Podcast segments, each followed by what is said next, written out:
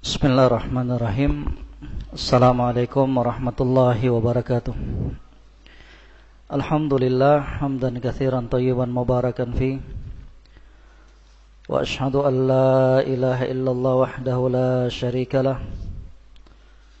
Wa ashadu anna muhammadan abduhu wa rasuluh amma ba'd. Baik jamaah sekalian kita lanjutkan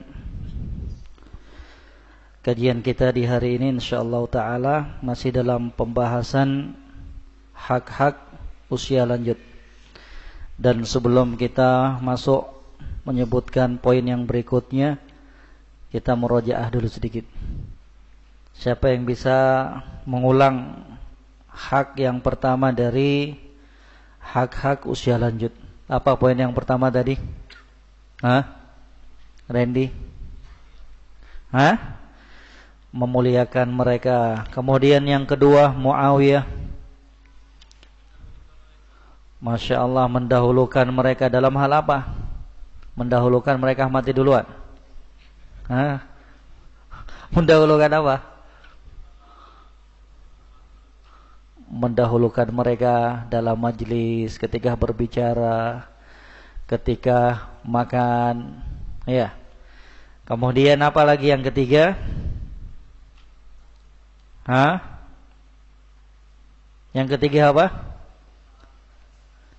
Mendahului mereka dalam menyebar salam. Jangan tunggu. Kita yang lebih dahulu harus salam kepada mereka. Kemudian yang keempat apa tadi?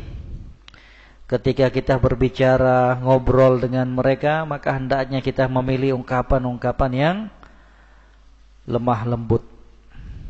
Kemudian hak yang berikutnya kata Syekh antura'i wad'ahu as-sihhi wal badani wa nafsi bisababil kibar wa dha'fihi. Ini hak yang selanjutnya. Di antara hak-hak usia lanjut, engkau perhatikan kondisi kesehatan mereka, kondisi badan dan jiwa mereka disebabkan usia mereka yang sudah lanjut dan kelemahan yang ada pada mereka. Perhatikan. Itu haknya orang-orang yang berusia lanjut yang harus kita tunaikan. Perhatikan kondisi kesehatan mereka. Kita perhatikan kondisi badan dan jiwa mereka. Ini diperhatikan. Kata beliau, "Wa hadhihi minal umur allati yajhaluha al-katsir minasy syabab." Dan ini merupakan perkara yang banyak dilupakan dan tidak diketahui oleh kebanyakan dari para pemuda. Ingatlah, mereka dululah orang tua. Kita terlebih khusus yang membesarkan kita. Yang dahulunya itu kita lemah.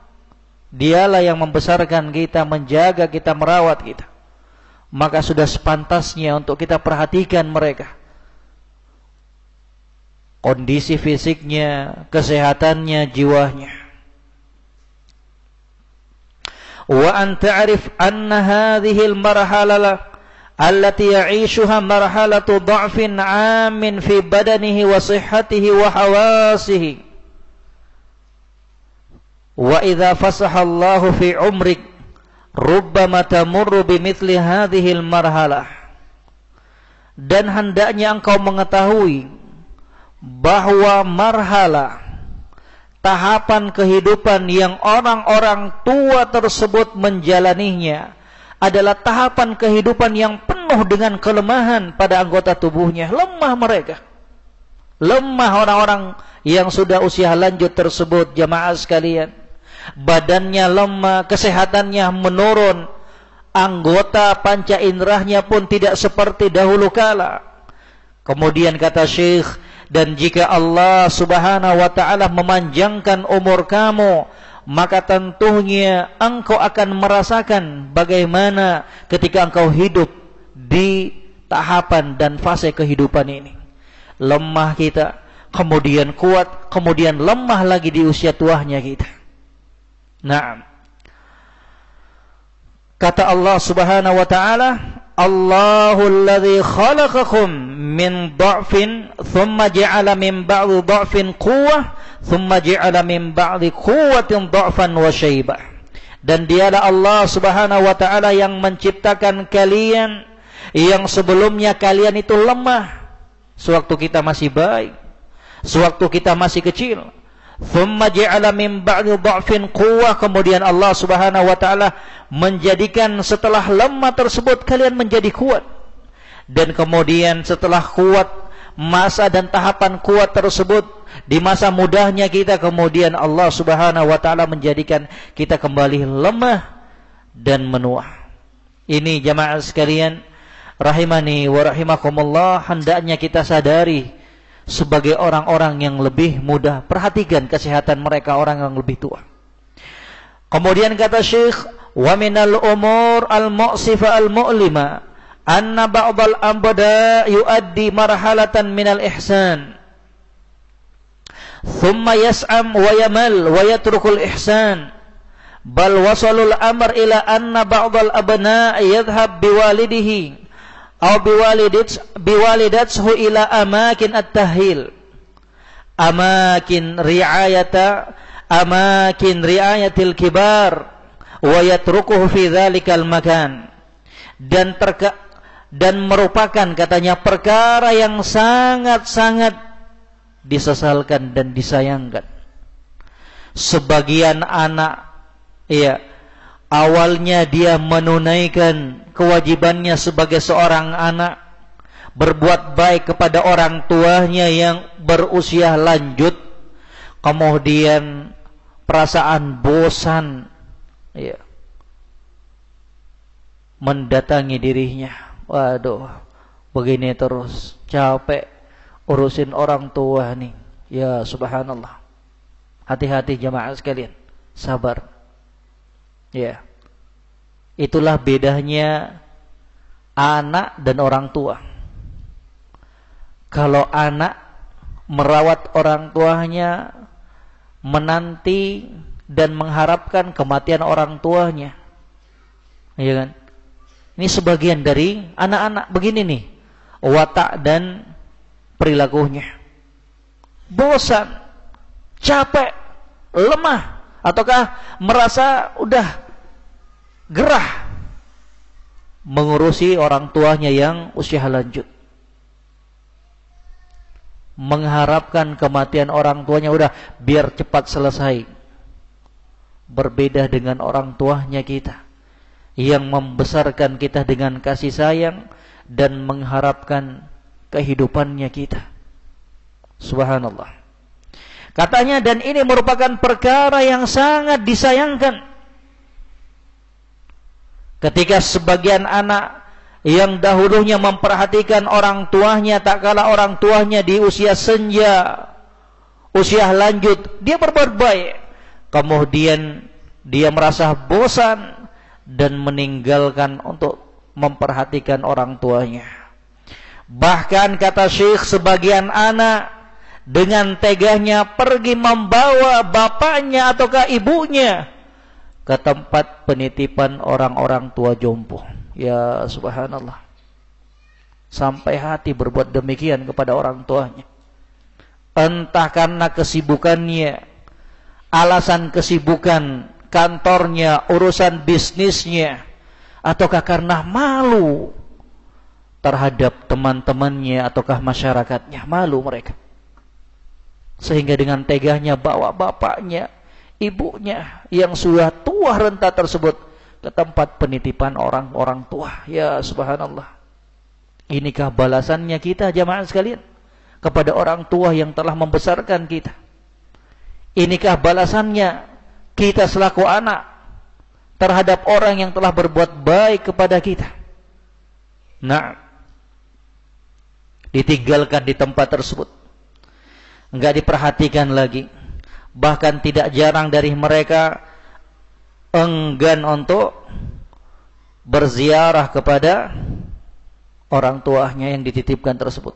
Ada yang cuma sekali setahun, ada yang cuma sebulan sekali, sepekan sekali, la ilaha illallah. dalam keadaan itulah sebenarnya kesempatan kita untuk membalas sedikit dari kebaikan orang tuanya kita. Tak kalah mereka telah usia lanjut. Makanya Nabi sallallahu alaihi wasallam dalam hadis yang sahih itu menyebutkan alamat kesengsaraan, alamat kerugian orang-orang yang mendapati kedua orang tuanya ataukah salah satu dari kedua orang tuanya yang telah usia lanjut kemudian dia tidak mampu memanfaatkan kesempatan yang telah diberikan oleh Allah Subhanahu wa taala untuk berbuat baik kepada orang tuanya. Kata Nabi sallallahu alaihi wasallam, "Raghima anfur rajul, raghima anfur rajul, raghima anfur rajul." Celaka, merugi, merugi kata Nabi sallallahu alaihi wasallam. Orang yang telah diberikan kesempatan oleh Allah Subhanahu wa taala mendapati kedua orang tuanya ataukah salah satunya bapak ataukah ibunya yang telah berusia lanjut walam yudkhilhul jannah akan tetapi tidak mampu memasukkan kit memasukkan anak tersebut ke dalam surga enggak mampu menjadikan baktinya dia sebagai sebab dan wasilah untuk memasukkan dirinya ke dalam surga Allah Subhanahu wa taala. Ini nih orang yang merugi. Telah diberikan kesempatan oleh Allah Subhanahu wa taala mendapati orang tuanya dalam usia lanjut, usia senja akan tetapi tidak dimanfaatkan untuk berbuat baik kepada orang tuanya.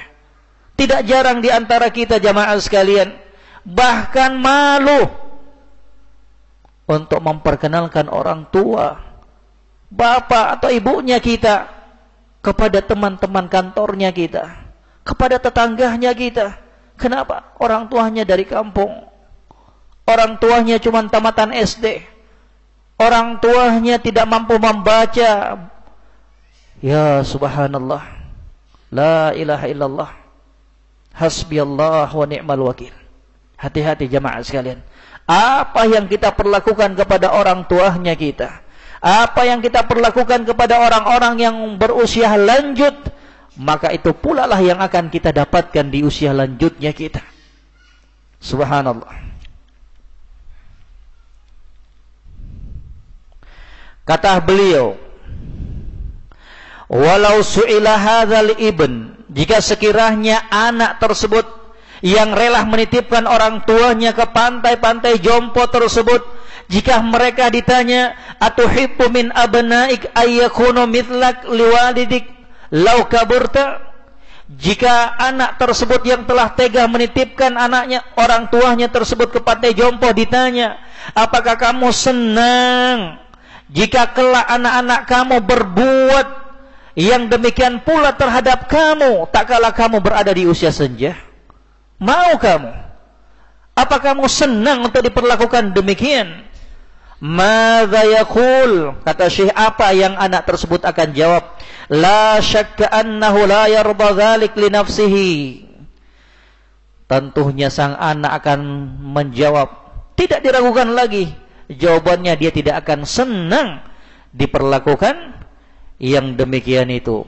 Dalam keadaan jemaah sekalian perintah untuk berbuat baik kepada orang tuanya kita itu langsung datang perintahnya dari Allah Subhanahu wa taala demikian pula melalui lisannya Nabi kita Muhammad sallallahu alaihi wasallam kata Allah Subhanahu wa taala dalam surat Luqman ayat 14 wa wassaynal insana biwalidayhi hamalathu ummuhu wahnan ala wahnin wa fisaluhu fi amaini an ishkurli wali walidayka ilayyal masir kata Allah Subhanahu wa taala.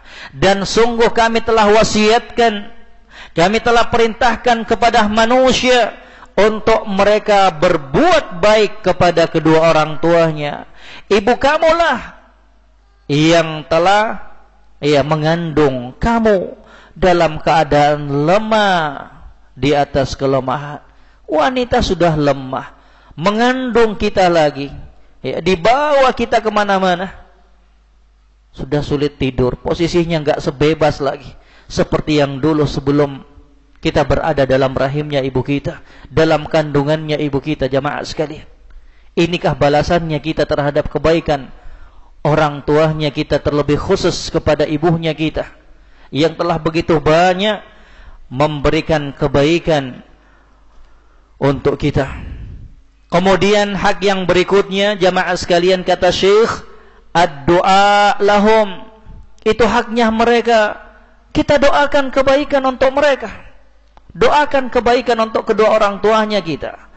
Antad'u lahum bitulil umur fi ta'atillah wa tad'u lahum bitaufiq wassadat. Engkau doakan orang tuamu agar dipanjangkan umurnya di atas ketaatan kepada Allah Subhanahu wa taala. Ini juga penting. Poin yang penting. Jangan sekedar mendoakan orang tuanya kita panjang umur akan tetapi ditambahkan panjang umur dalam ketaatan kepada Allah Subhanahu wa taala. Itu penting tuh. Iya. Doakan mereka agar mereka dipanjangkan umurnya dalam ketaatan kepada Allah Subhanahu wa taala. Karena itulah sebaik-baik manusia. Sebaik-baik manusia siapa? Orang-orang yang dipanjangkan umurnya oleh Allah kemudian semakin bagus pula dan semakin banyak pula amalan kebaikannya kepada harapnya Allah Subhanahu wa taala. Dan sebaliknya kata Nabi, orang-orang yang paling jelek adalah mereka yang dipanjangkan umurnya oleh Allah akan tetapi bertambah pula kejelekan dari amalannya. Iya, jangan lupa itu jamaah sekalian. Doakan orang tuanya kita dalam agar dipanjangkan umurnya dalam ketaatan kepada Allah. Kita doakan mereka dalam sujudnya kita dalam waktu-waktu yang mustajabah. Kita doakan taufik dan keistiqomahan buat mereka. Jangan lupakan ini. Bi ayyahfadhuhumullahu jalla wa, jalla wa ala wa yumatti'ahum bis wal afiyah kita doakan agar Allah Subhanahu wa taala senantiasa menjaga mereka dan memberikan kesehatan dan keselamatan untuk mereka wa, ayyuhsina lahum al khatimah dan semoga Allah Subhanahu wa taala mewafatkan mereka di atas husnul khatimah, meninggal di atas kebaikan. Jangan lupa ini jemaah sekalian. Ini salah satu bentuk baktinya kita kepada mereka.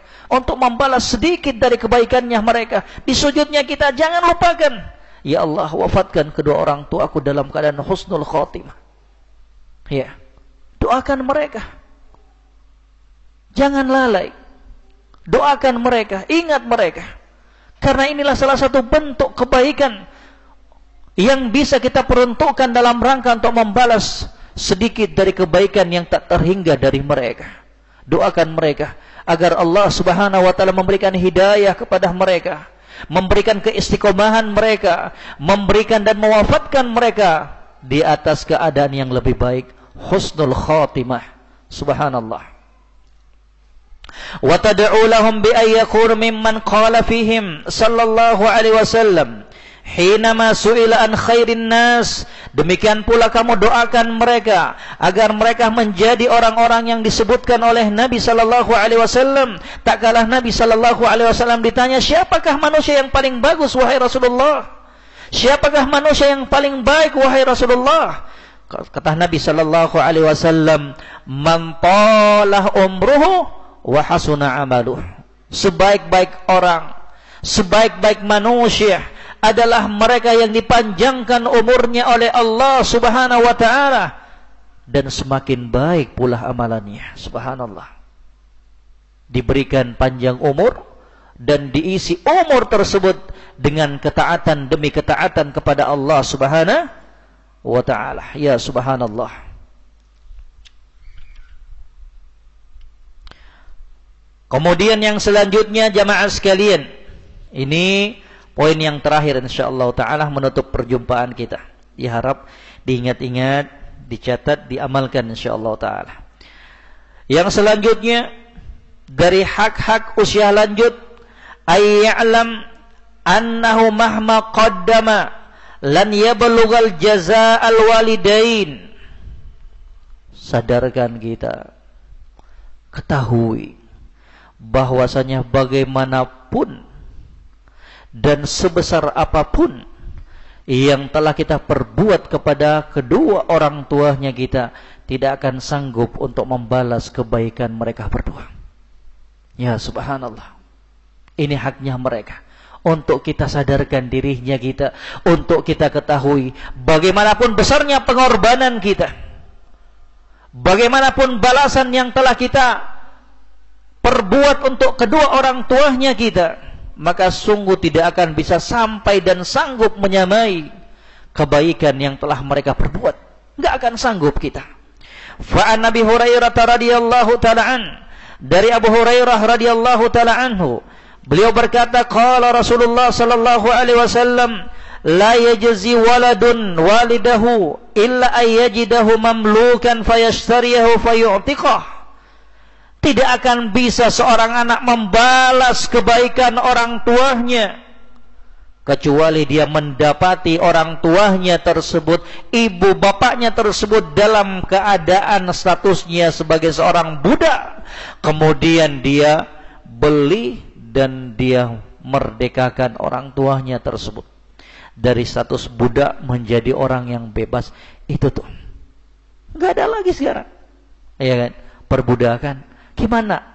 Ya nggak akan bisa kata Nabi Shallallahu Alaihi Wasallam seorang anak membalas kebaikan dari kedua orang tuanya terlebih khusus kepada ibunya.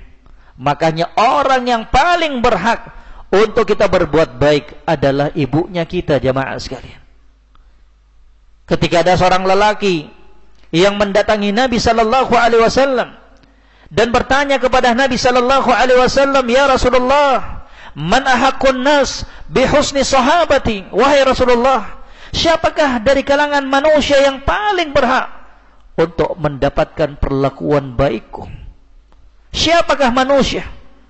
Kata Nabi Shallallahu Alaihi Wasallam, ummuk ibu kamu. Ditanya lagi untuk kedua kalinya, siapakah yang paling berhak untuk aku berbuat baik padanya? Kata Nabi Shallallahu Alaihi Wasallam, ummuk ibu kamu. Thummaman. Kemudian siapa lagi wahai Rasulullah untuk kali yang ketiga? Kata Nabi Shallallahu Alaihi Wasallam, ummuk ibu kamu, ibu kamu.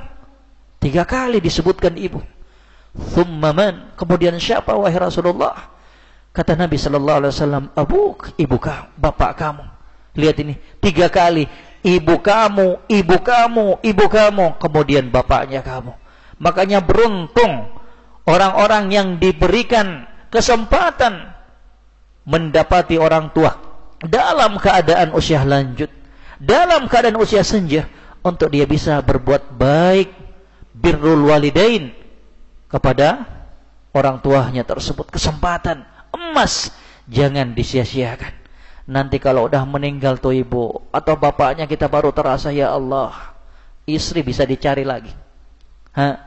anak bisa dibuat lagi dengan izin Allah Subhanahu wa taala tapi kalau orang tua jamaah sekalian la ilaha illallah mau cari ke mana kita ha?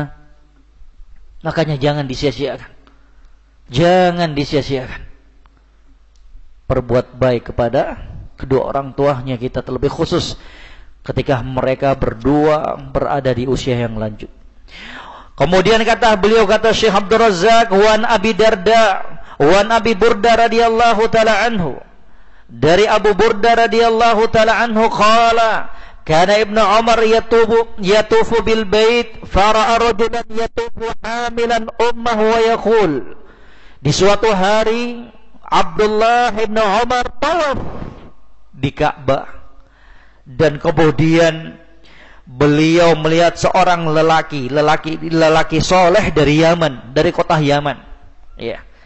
Beliau tawaf juga lelaki ini sambil membawa ibunya. Ya. Di bawah ibunya. Apa namanya ini? Diletakkan di belakang nih. Hah? digendong. Subhanallah. Lihat tuh. Laki-laki soleh dari negeri Yaman. Itu luar biasa perjalanan. Belum ada Saudi Airlines dulu. Ya. Yaman dengan Saudi itu jamaah sekalian kalau naik bus ya sekitar 14 jam kalau lulus terus kalau ada pemeriksaan di hudud antara Yaman dengan Saudi sekitar 20 jam naik bus. Itu naik bus tuh. Gimana kalau naik unta? Dia bawa ibunya dari negeri Yaman untuk bisa haji. Gendong ibunya.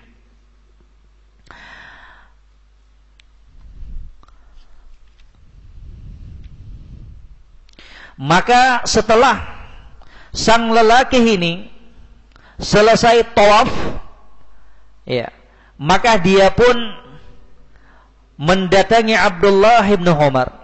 Kemudian lelaki dari Yaman ini mengatakan, "Aturani ya ibn Umar jazaituha?" Wahai Abdullah bin Umar, apakah engkau telah melihat Apakah engkau berpendapat bahwasanya aku ini telah membalas kebaikan ibu saya ini? Kebaikan ibunya sejak dikandung, dilahirkan, dibesarkan. Sang lelaki ini menyangka dengan beban, dengan kepayahan dan kesulitan dia membawa ibunya haji, menggendongnya ketika tawaf dan lain-lain sang lelaki ini menyangka sudah bisa membalas dan menyamai kebaikan ibunya. Faqala kemudian Abdullah ibn Umar mengatakan la tidak sama sekali wala zafratan wahidatan walaupun untuk membalas satu tarikan nafas ibu kamu tak kalah melahirkan kamu. Ya subhanallah. Gak akan bisa. Kata Abdullah bin Umar. Gak akan bisa membalas. Apa yang kamu lakukan dari kepayahan yang kamu rasakan tersebut. Ketika memikul ibu kamu melakukan tawaf. Sama sekali belum bisa membalas satu tarikan nafas ibu kamu. Tak kalah melahirkan kamu. Ya melahirkan kita ujung-ujungnya bisa berambas ya berakibat kepada kematian ibunya kita. Ya, ya subhanallah. Ini jemaah sekalian apa yang bisa kita sebutkan dalam pertemuan yang singkat ini semoga apa yang kita paparkan bisa memberikan kemanfaatan untuk dirinya kita semuanya dan sebagai bekal kita untuk kita amalkan kepada orang-orang yang berusia lanjut terlebih khusus kepada kedua orang tuanya kita terlebih khusus kepada ibunya kita dan semoga Allah Subhanahu wa taala memberikan keberkahan di dalam pertemuan ini. Dan jika ada ucapan yang benar dari perkataan saya itu semata-mata dari Allah Subhanahu wa taala. Dan jika ada kekurangan dan kesalahannya itu dari pribadi saya sendiri dan dari syaitan. Wa akhiru da'wana alhamdulillahi rabbil alamin. Subhanakallahumma bihamdik. Asyhadu an la ilaha illa anta astaghfiruka wa atubu ilaik. Wassalamu alaikum warahmatullahi wabarakatuh